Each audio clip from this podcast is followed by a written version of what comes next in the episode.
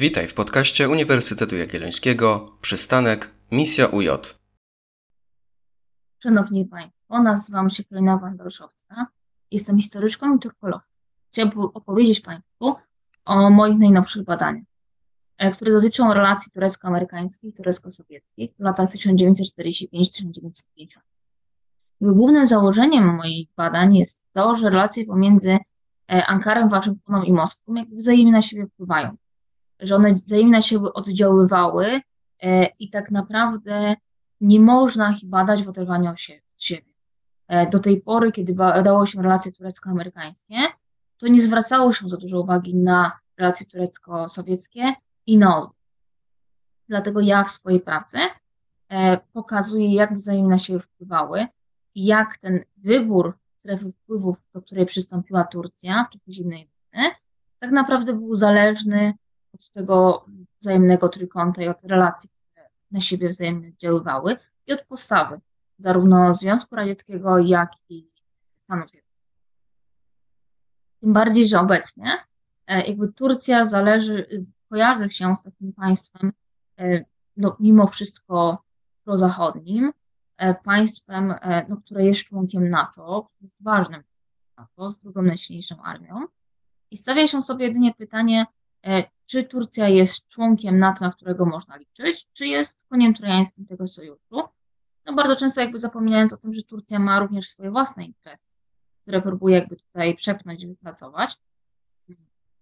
Jednak e, no z tej perspektywy niewiele osób zdaje sobie sprawę, że ta, ten wybór tej zachodniej strefy przez Turcję nie był taki oczywisty, że e, wpływało na nią postawa zarówno Stanów Zjednoczonych, jak i że były y, realne tutaj możliwości tego, że Ankara decyduje się na zachowanie neutralności, tak jak robiła podczas II wojny światowej, e, czyli że tak naprawdę no, tutaj było stwierdzone, że jest życzliwie neutralna, no, było tak, ale również handlowała między innymi z państwami osi, balansowała między strefami wpływów, próbując jak najwięcej dla siebie uzyskać i dbać o swoje własne bezpieczeństwo jakby z uwagi na obszerność tematu i ograniczenia czasowe, które są, e, próbuję omówić ten temat w takich trzech punktach, mianowicie e, zwrócę uwagę na sowieckie roszczenia w stosunku do cieśni czarnomorskich, Bosforu i Dardaneli, na pomoc amerykańskiej w ramach planu Marshalla oraz na drodze Turcji członkostwa Sojuszu Północnoatlantyckim, która nie była taka prosta i oczywista. Jeżeli chcieliby Państwo dowiedzieć się więcej, zapraszam jakby tutaj do, do różnego rodzaju moich publikacji. E, które właśnie omawiają e, poszczególne zagadnienia i zagadnienia jakby całościowo. Chciałabym zacząć właśnie od tej kwestii cieśnin czarnomorskich, dlatego że są one chronologicznie tak naprawdę pierwsze. E, I turecka historiografia zajmująca się relacjami turecko-sowieckimi w okresie II wojny światowej oraz zaraz po jej zakończeniu pomija tak naprawdę bardzo często próby porozumienia się rządu tureckiego z Moskwą, jakby skupiając się na zbliżaniu do państw zachodnich, e, a jest tak naprawdę bardzo duże uproszczenie. Tutaj analizując materiał źródłowy, bardzo łatwo można dostrzec, że e, Turcja, przynajmniej po zakończeniu wojny, była skłonna zachować neutralność, e, kontynuować tą swoją postawę z czasów wojny. Tak naprawdę tutaj uniemożliwiło jej to, to że Związek Radziecki E, nie chciał negocjować, w sensie wysunął e, roszczenia w stosunku do cieśni czarnomorskich. Tak naprawdę już podczas konferencji na Krymie w lutym 1945 roku, czyli jeszcze przed tym, jak w ogóle Turcja powiedziała wojnę III Rzeszy, to już Związek Radziecki wysunął swoje roszczenia w stosunku do cieśni czarnomorskiej, Bosforu i Dardanelle. Następnie pod koniec marca, już po powiedzeniu wszystkich wojny, ambasador turecki w Moskwie e, został wezwany do Ministerstwa Spraw Zagranicznych Związku Radzieckiego na spotkanie z ministrem spraw zagranicznych e, i został on wówczas poinformowany o tym, że e, Rosja wypowiada Turcji traktat o przyjaźni neutralności 17 grudnia 1925 roku. Hmm. I były to dość duże obawy tureckie o to, co się dalej stanie, dlatego że Związek Radziecki przede wszystkim chciał, żeby e, Turcja nie była jedynym krajem, który y, zarządza cieśninami, chciał mieć również wpływ na to, jakie statki czy okręty bardziej mogą przechodzić przez cieśniny, kiedy cieśniny są otwarte, a kiedy zamknięte. I również jego celem było wywarcie wpływu na Turcję, e, żeby e, no, zrewidować konwencję z Montreux dotyczącą cieśnin e, i żeby na tutaj na, na kwestie dotyczące cieśni wpływ miały państwa czarnomorskie, a nie społeczność międzynarodowa, czyli tak naprawdę, żeby główny wpływ na cieśniny miał wiecznie Związek Radziecki.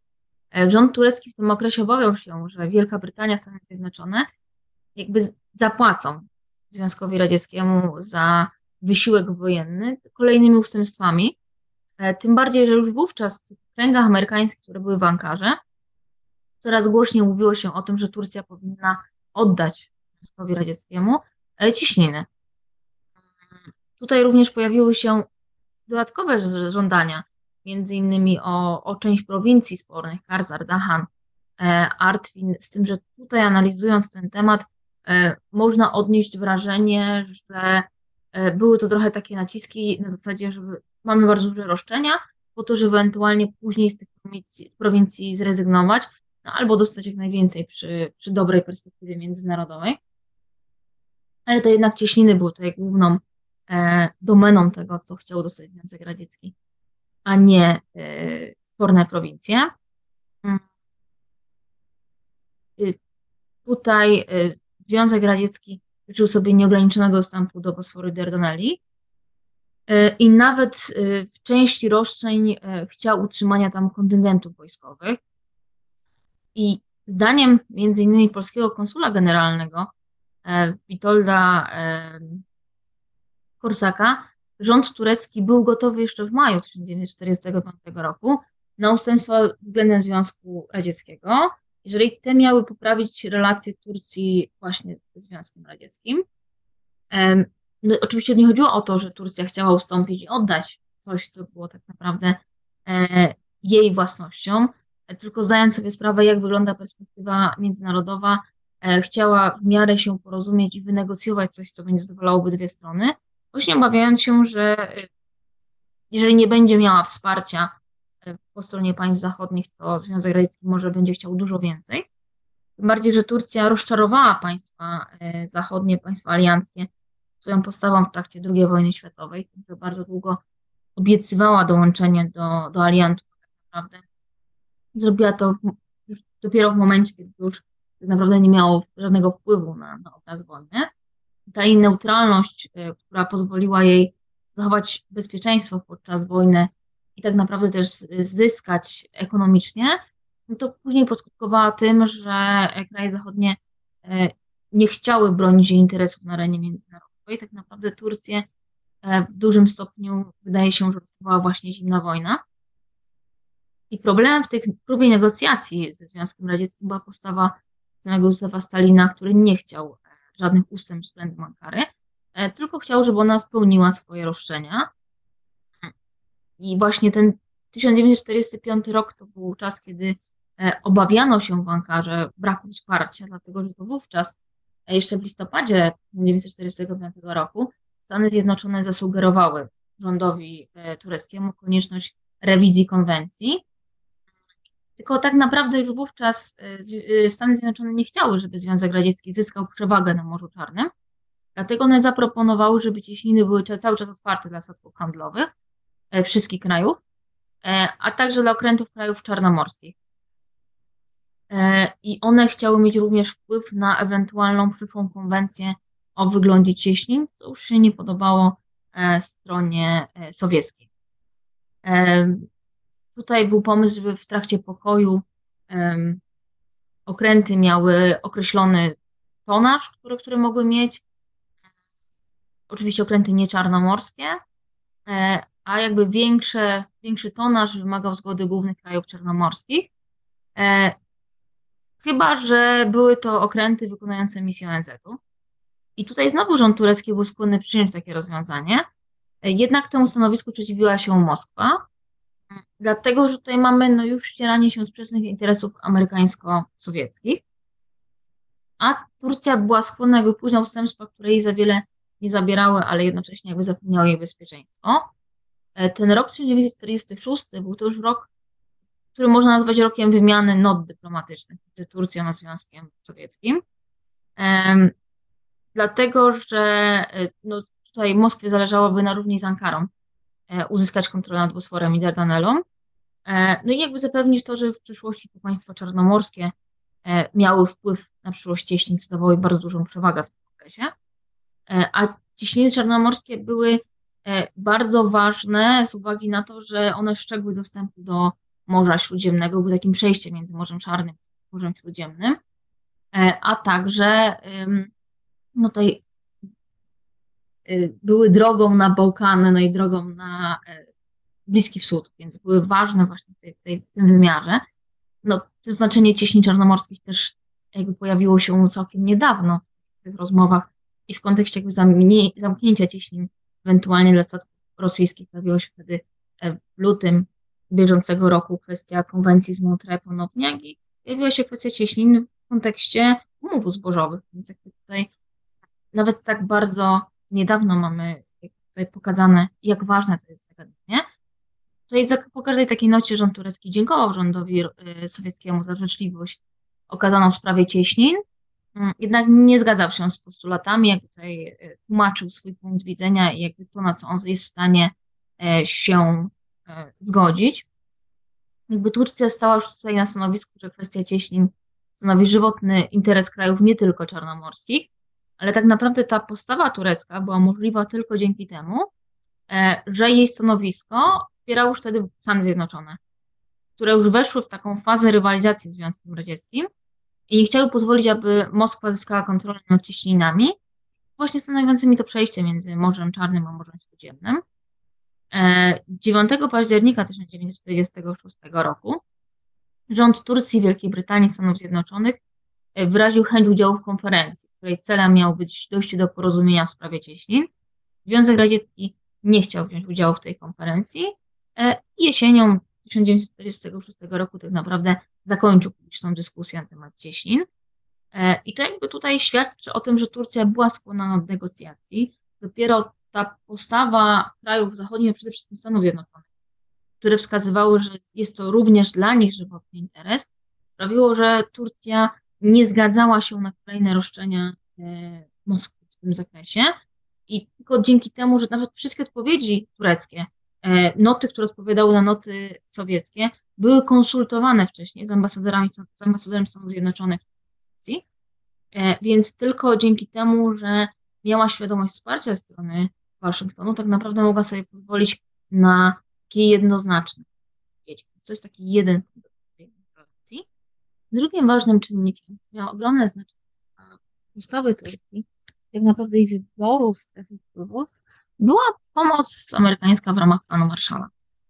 E, dlatego, że e, kwestia cieśni, o której powiedziałam wcześniej, no i kwestia tych wspólnych prowincji, no naprawdę był świadome utrzymywanie przez Związek Radziecki e, stanu napięcia i gry nerwów, które jakby celem głównym było odbicie się na stanie tureckiej gospodarki.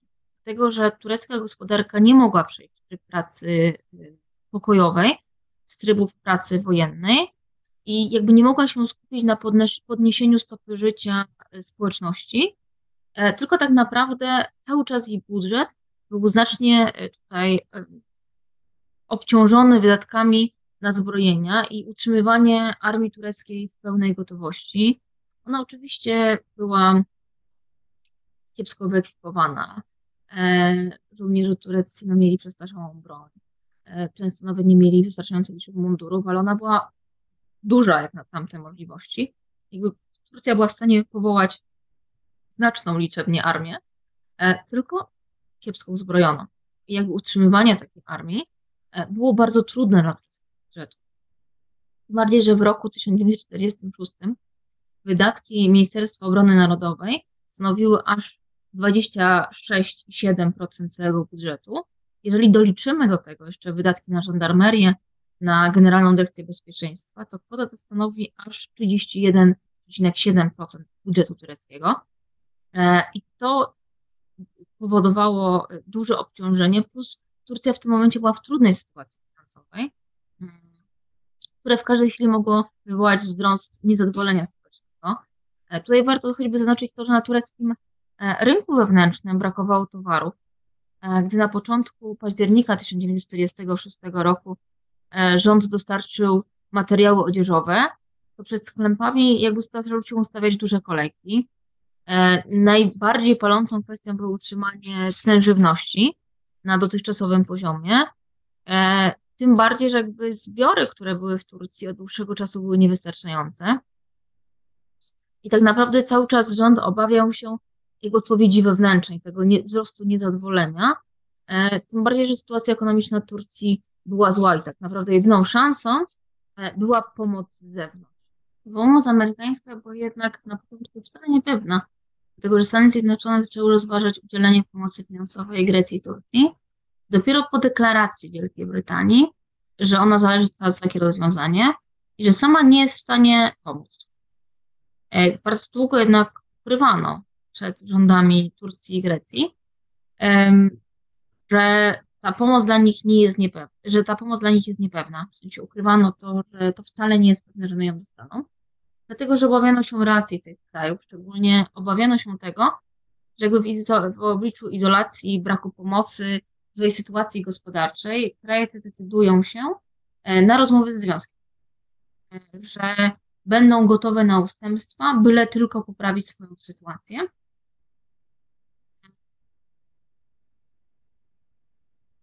I tutaj pomoc finansowa Stanów Zjednoczonych była potrzebna e, tak naprawdę zapewnienia integralności Turcji, e, a jej integralność była potrzebna e, z uwagi na bezpieczeństwo Bliskiego Wschodu. Tym bardziej, że Turcja w tym momencie w polityce zagranicznej Stanów Zjednoczonych stała się już ważna, no głównie ze względu na swoje położenie, za kwestię cieśnin, na kwestię jakby tutaj bycia bramą na Bliski Wschód, też bycia bramą na, na wschodnią część Morza Śródziemnego do ochrony Bałkanów. Więc e, 12 lipca 1946 roku, 1947 roku e, została zawarta w Ankarze umowa o amerykańskiej pomocy dla Turcji. E, Pierwszy transfer amerykańskich materiałów e, rozpoczął się e, 1 lutego 1948 roku. To dzięki właśnie tej umowie rozpoczął się proces modernizacji tureckiej armii. E, To w ramach pomocy nie były to tylko kredyty, ale były to, był to również dostarczany sprzęt. Problem z tym sprzętem był jednak taki, że bardzo często był to sprzęt z demobilu, czy sprzęt już używany. To nie zawsze były tylko wojskowe pojazdy, były tabory kolejowe, e, które często były w takim stanie, że po dostarczeniu ich do Turcji, mm, no to one się bardzo psuły i, i nie opłacało się ich nawet naprawiać. E, Ale tak naprawdę szczególnie ważne jest to, że po pierwsze była to jakaś szansa ekonomiczna dla Turcji. E, Co prawda, jakby rząd turecki tutaj e, był rozczarowany trochę tym, nie tylko wymiarem pomocy, no bo on był tutaj nieproporcjonalny, szczególnie w stosunku do Grecji i Turcji. No choć te, do Grecji trzeba pamiętać, że to toczyła się wojna domowa i tutaj nie chciano, żeby w tej wojnie wygrali komuniści.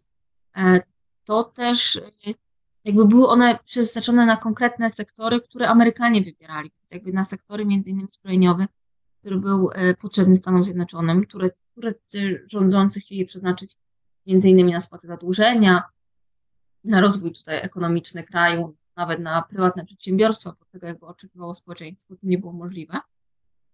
Ale z takich ważnych rzeczy, z którymi wiąże się pomoc w ramach planu Marshalla, e, było to, że bardzo szybko strona turecka postanowiła kupować nie tylko sprzęt, ale również technologię, e, tak aby w przyszłości maksymalnie uniezależnić się od zagranicznych dostaw, co widzimy w Turcji do dzisiaj, e, w tym, że ona jednak rozwija bardzo prężnie swój sektor zbrojeniowy, e, ale też jakby wraz z pomocą amerykańską przybyli do Turcji eksperci.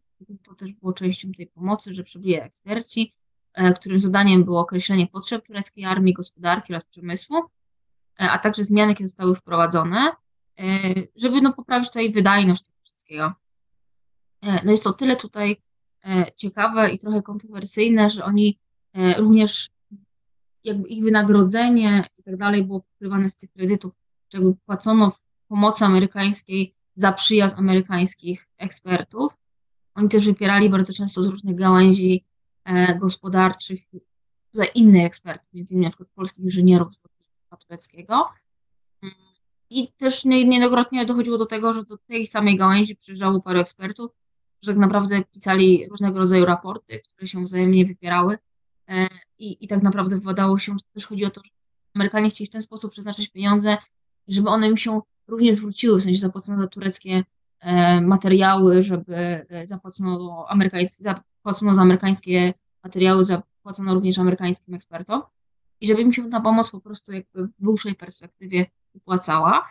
Ale no nie można tutaj pomijać tego, że Turcja bez tej pomocy nie byłaby w stanie się zmodernizować, że było to taki no, niewystarczający zastrzyk, tym bardziej, że jakby on był e, rozparcelowany na bardzo wiele dziedzin, dlatego że Turcja potrzebowała tych pieniędzy na bardzo wiele dziedzin, E, więc, e, więc tak naprawdę no, wiele z nich w dalszym ciągu było bardzo zacofanych, ale po pierwsze była to taka pierwsza pomoc, po drugie była to pomoc, która mm, bardzo duży wywarła wpływ na rządzących, na to, że oni jednak stali po stronie amerykańskiej, dlatego że zdawali sobie oni sprawę z tego, że żaden inny kraj nie jest w stanie im zapewnić jakiejkolwiek pomocy. Związek Radziecki nie jest w stanie zapewnić pomocy ekonomicznej. Tak naprawdę było to tutaj jedną z najważniejszych rzeczy dla ówczesnej Turcji. Taki w ramach pomocy w pierwszym roku Turcja otrzymała e, niecałe 50 milionów dolarów, przeznaczonych między innymi na rolnictwo, na, na węgiel kamienny, to jest jakby chodzi o e, rozbudowę portów i zagłębia, na lignit, na energię elektryczną, tutaj między innymi przeprowadzenie odpowiednich linii, e, na drogi, na, na wydobycie rudy żelaza, na prace badawcze w poszukiwaniu i wydobyciu złóż naturalnych, więc jakby tutaj tych dziedzin jest bardzo dużo, na już potem jakby wiele dochodziło. Przede wszystkim jakby największa część tych kredytów szła jednak na wojsko. Mm, jakby żeby pokazać te, te różnice między tym, jaką pomoc przeznaczono, na przykład w roku 1950 na Grecji i Turcji łącznie przyznano 265 milionów dolarów, e, z czego Ankara otrzymała 81 milionów. Więc tutaj cały czas dochodziło to, że Turcja czuła się pokrzywdzona, że jednak ta jej pomoc jest proporcjonalnie dużo mniejsza. Bardziej, że jakby tutaj no, y, rządzący podkreślili, że nie rozumieją kwestii wojny domowej, ale że tak naprawdę mm, ten jej ewentualny wysiłek wojenny, w sensie to, co Turcja może dać w razie wojny, jest dużo większym potencjałem niż to, co może dać Grecja. E, Tym bardziej podkreślano, że no, Turcja nie chce wejść w sojusz y, wojskowy z Grecją bez żadnego większego partnera, no bo to Turcja byłaby krajem, który ewentualnie musiał pomóc Grecji, a nie na odwrót. Więc, ym, więc to jakby w miarę jednoznacznie e, właśnie wskazywano na to, że, że jakby Turcja tutaj czuła się e, niedowartościowana, jeżeli chodzi o pomoc. Z drugiej strony jakby Stany Zjednoczone widziały to zupełnie inaczej. Podkreślały, że e, ta pomoc jest wystarczająca, że Turcja się w ogóle powinna cieszyć z tym, że jakąkolwiek pomoc otrzymała i że powinna bardziej promować pomoc amerykańską, bo po tej stronie amerykańskiej jakby zależało na tym, żeby e, pokazywać, żeby Turcja pokazywała, jaka ta pomoc jest. Mhm. E, No to jakby w prasie tureckiej było bardzo duże niezadowolenie, które właśnie pokazywało, że, że dostaje dużo mniej niż na przykład Niemcy, e, które, no jak podkreślili Turcy, rozpoczęły wojnę, otrzymały 549 milionów dolarów, e, a Turcja, która wypowiedziała im wojnę, to i można by było dyskutować e, z tym, e, na ile wypowiedziała e, wojnę, znaczy no, wypowiedziała w ostatnim okresie, więc jakby również nie wzięła w tej wojnie na dobrą sprawę udziału, znaczy nie wzięła udziału, otrzymała w tym samym okresie dużo mniejszą pomoc, mm, ale no, była ona bezsprzecznie bardzo potrzebna, żeby kraj mógł się zmodernizować, żeby tak naprawdę tak naprawdę ta pomoc była wykorzystywana również przez Amerykanów do prowadzenia cisków, dlatego że jeżeli polityka turecka była prowadzona nie w taki sposób, jak oczekiwały tego Stany Zjednoczone, e, albo na przykład ministrowie poszczególni nie byli wystarczająco proamerykańscy, było, to były to naciski, żeby właśnie zmienić tą postawę, bo jakby tutaj od razu wskazywano, że ta pomoc może się skończyć. Tak naprawdę ta pomoc y, trwała i jakby zwiększyła swój wymiar, mimo tego, że obawiano się, że ona zostanie e, zmniejszona na lat 50., a wręcz całkowicie zaprzestana, dlatego że Turcja to był jeden z krajów, które bardzo szybko powiedziały się, e, że wyślą swoje wojska e, do, na, woj, do, na wojnę koreańską. Są jej proporcjonalnie e, dużo i, i jakby sławiły się tutaj między innymi swoją ambitnością e, i jakby zostały w ten sposób troszkę nagrodzone przez Amerykanów e, tym, że ta pomoc nie ustała, a wręcz jakby jej wymiar się zwiększył, co tak naprawdę prowadziło do modernizacji. Z jednej strony jakby tutaj e, te dolary były taką polityką dolarową, która sprawiła, że, że Turcja no, wybrała Zachód, dlatego że mógł jej coś dać, ale też z drugiej strony były taką bardzo dużą formą nacisku na wywarcie takiej postawy, jaka była e, oczekiwana od sojusznika. Bardziej, że właśnie po drugiej stronie no, nie było ze strony Związku Radzieckiego próby negocjacji, ewentualnie zaproponowania czegoś, e, tylko był cały czas próba nacisku i jakby z, z tego ciągłego zagrożenia był, mm, e, jakby tutaj sprawiania, że Turcja musiała ponosić bardzo duże wydatki na armię przez cały ten okres. Bardziej, że to zagrożenie ze strony Związku Radzieckiego nie było e, tak naprawdę takim bezpostawnym, dlatego że amerykańscy planiści oszacowali, że Związek Radziecki może wystawić przeciwko Turcji 110 e, dywizji, który atak byłby przeprowadzony z dwóch stron, między innymi z Bułgarii e, w stronę Tracji Wschodniej oraz z Zakaukazia w kierunku Anatolii. Jakby według właśnie ich obliczeń osamotniona Turcja mogłaby bronić się jedynie około 120 dni. E, później tak naprawdę została otwarta droga dla Moskwy e, na dalszą ekspansję, między innymi w stronę Morza Śródziemnego, w stronę Iranu, w stronę Iraku. I to już był jakby tutaj z jednej strony zagrożenie, którego mogła obawiać się Turcja i że w takim przypadku będzie musiało się jakoś porozumieć, e, a z drugiej strony to już był moment, kiedy jednak państwa zachodnie nie chciały na to pozwolić, w sensie jakby tutaj zależało między innymi na ropie bliskowschodniej, więc nie chciały pozwolić na tą ekspansję sowiecką dalej, więc y, wiedziały, że e, Turcja byłaby również dobrą bazą operacyjną dla, dla sojuszników w momencie ewentualnego wojny ze Związkiem więc starały się pozyskać ją po swojej stronie wpływów. Jednak bardzo długo e, jakby Turcja oprócz pomocy amerykańskiej oczekiwała również jakby zaangażowanie się w jakiś sojusz wojskowy, dlatego że właśnie no, osamotniona nie mogła się zbyt długo bronić. E, Stany Zjednoczone chciały, żeby ona zawiązała jakiś sojusz wojskowy najlepiej z swoimi sąsiadami. Tutaj bardzo długo wskazywana była Grecja. Tym, że tutaj Turcja nie chciała angażować się w sojusz z Grecją, dlatego że po pierwsze no, e, przez dużą część tego czasu trwała tam wojna domowa, po drugie dlatego, że to Turcja była krajem silniejszym, a jej bardzo zależało na sojuszu z, z krajem, który mógłby ewentualnie przyjść z realną pomocą. E, później była próba jakby nawiązania e, sojuszu wojskowego Turcji, Wielkiej Brytanii, Francji na podstawie umów zawartych w 1939 roku, ale również tutaj jakby Turcja naciskała, żeby ten sojusz militarny był z Stanami Zjednoczonymi. Tym bardziej, że jakby tutaj w tych kołach tureckich bardzo długo mówiono, że tak naprawdę e, no to jedyny, jedyne bezpieczeństwo miałoby jej Stany Zjednoczone albo sojusz ze Związkiem Radzieckim, jedno z tych. Jakby musiałoby być jakieś sumę parocarstwo. E, Turcja mm, nie została przyjęta do NATO w 1939 roku. E, próbowano ją uspokoić, e, tutaj głównie Stany Zjednoczone próbowały ją uspokoić, mówiąc, że tak naprawdę no to w dalszym ciągu jakby tutaj jest to ważny sojusznik i po prostu no nie została do niego przyjęta do, do Sojuszu Północnoatlantyckiego, dlatego że nie jest atlantyckim. E, i, i, i tak naprawdę w razie ataku, no to może ze strony Związku Radzieckiego mogą liczyć na Stany Zjednoczone. Tak naprawdę Waszyngton bawiał się, że Turcja w momencie poczucia zagrożenia będzie jednak próbowała porozumieć się z Moskwą. Że w momencie, kiedy nie została przyjęta do NATO i nie ma jakby y, innego realnego sojusznika, to w momencie, kiedy to zagrożenie będzie narastało, tak naprawdę ona przystąpi do ewentualnych rozmów e, ze Związkiem Radzieckim. E, jednocześnie no właśnie tutaj e, wymuszano przy, przy kwestii pomocy to, żeby Turcja jednak e, bardzo wchodziła w tą orbitę interesów zachodnich. Tym bardziej, że jakby pojawiały się nawet pogłoski, które dochodziły oczywiście do, do uszu Amerykanów o tym, że w kołach dyplomatycznych mówiono, że Turcja gotowa byłaby zerwać współpracę z Stanami Zjednoczonymi Wielką Brytanią, gdyby Związek Radziecki był gotowy podpisać z nią jednocześnie pakt przyjaźni, E, Oczywiście tutaj dyplomacja turecka zaprzeczyła takim pogłoskom, e, jakby twierdząc, że Turcja buduje przyjaźń ze Stanami Zjednoczonymi, E, ale tak naprawdę tutaj dużo zależało właśnie od tej, tej chęci z obydwu stron i, i, wymiaru między innymi pomocy. E, Turcja,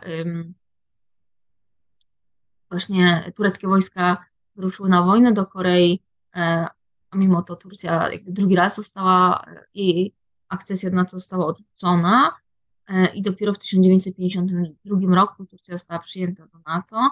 Jakby długo też e, były rozmowy na temat tego, pod jakie dowództwo Turcja trafi, czy, czy jakby nie stworzy osobnego dowództwa na Bliskim Wschodzie, co się jakby Turcji nie podobało, bo byłaby jedyna aktualnie w tym, wtedy w tym dowództwie, więc też nie dawałoby to jej wystarczającej obrony. No jakby tutaj, żeby jeszcze wcześniej by e, pokazać Turcji, że ona nie jest osamotniona, to zatwierdzono wspólną amerykańską misję wojskową pomocy dla Turcji e, i jakby tutaj próbowano pokazywać, że, że ma wsparcie, ale jednocześnie bardzo długo starano się nie wejść z nią w formalny sojusz, który byłyby Stany Zjednoczone. No i też odrzucano Turcję i Grecję e, z tych rozmów o wejściu do NATO. Więc to wszystko właśnie tworzy taki obraz Turcji pomiędzy dwoma strefami wpływu, w sensie Turcji balansującej między e, Stanami Zjednoczonymi a Rosją. Z jednej strony właśnie e, pokazuje to, że dużo było tutaj momentów, kiedy Turcja e, mogła przystąpić do rozmowy również ze Związkiem kiedy była na to gotowa, kiedy byłaby na to na pewno gotowa w momencie, kiedy Moskwa chciałaby rozmawiać. To jakby Stany sobie zdawały z tego ewidentnie jakby sprawę, że to jest to sojusznik, który mm, jest w strefie zachodniej wpływu, ale tylko dlatego, że mają one na nią narzędzia nacisku, a jednocześnie w momencie, kiedy poczuje się zagrożony, będzie gotowy na negocjacje. Turcja w swojej polityce postępowała i postępuje bardzo pragmatycznie, nastawiona właśnie na to, co może osiągnąć, jakie są zagrożenia. E, ówczesne zagrożenie było właśnie takie, że Związek nie chciał przystąpić do żadnych umów, a jedynie wysuwał roszczenia. Ale jak widać z tego krótkiego przedstawienia, no są takie trzy punkty, które wpływały na postawę e, Turcji i jej postawa była zależna również od tego drugiego gracza, bo tak jak e, jej stosunek co do cieśnin e, mógł być taki tylko dzięki temu, że miała wsparcie amerykańskie, więc tutaj jakby wzajemnie siebie wpływały. Tak też na dobrą sprawę, no postawa nacisku, który był jedynie naciskiem ze strony Związku Radzieckiego również no, wynikała z tego, że jednak cały czas Turcja miała poparcie amerykańskie. E, więc, y, więc pozycja Turcji, to, że dostała na przykład pomoc, którą ją dostawała cały czas, też wynikało jakby z miejsca, w którym była e, i jej znaczenia geopolitycznego dla, dla Stanów Zjednoczonych. Więc to wszystko na siebie wzajemnie wpływało. Budował obraz jakby Turcji, która była ważna, jednocześnie była w położeniu, gdzie musiała balansować pomiędzy stronami wpływów i ten jej wybór E, nie był całkowicie jednoznaczny, aż w sumie do przystąpienia do NATO, który już jakby jednoznacznie powiedziała się po zachodniej stronie wpływów, choć były również w późniejszej polityce tureckiej takie momenty, kiedy te zwroty były, no i te zwroty również widzimy się y, obecnie, również jakby balansować i wykorzystać swój potencjał, jednocześnie tutaj e, jak najwięcej zyskując, ale w momencie, kiedy nie ma za dużo wyborów, to siada do negocjacji. Więc ta historia się bardzo ładnie nam tutaj zazębia z współczesnością nie ma już za bardzo czasu na pytanie więcej, ale jeżeli chcieli Państwo dowiedzieć się więcej o Turcji, e, posłuchać o, o moich badaniach, to zapraszam do artykułów, które powstały, czy książki, mam nadzieję niedługo wyjdzie do podcastu, który również nagrywam, dlatego że tam staram się tłumaczyć tą e, perspektywę turecką na wiele rzeczy. Dziękuję bardzo za uwagę.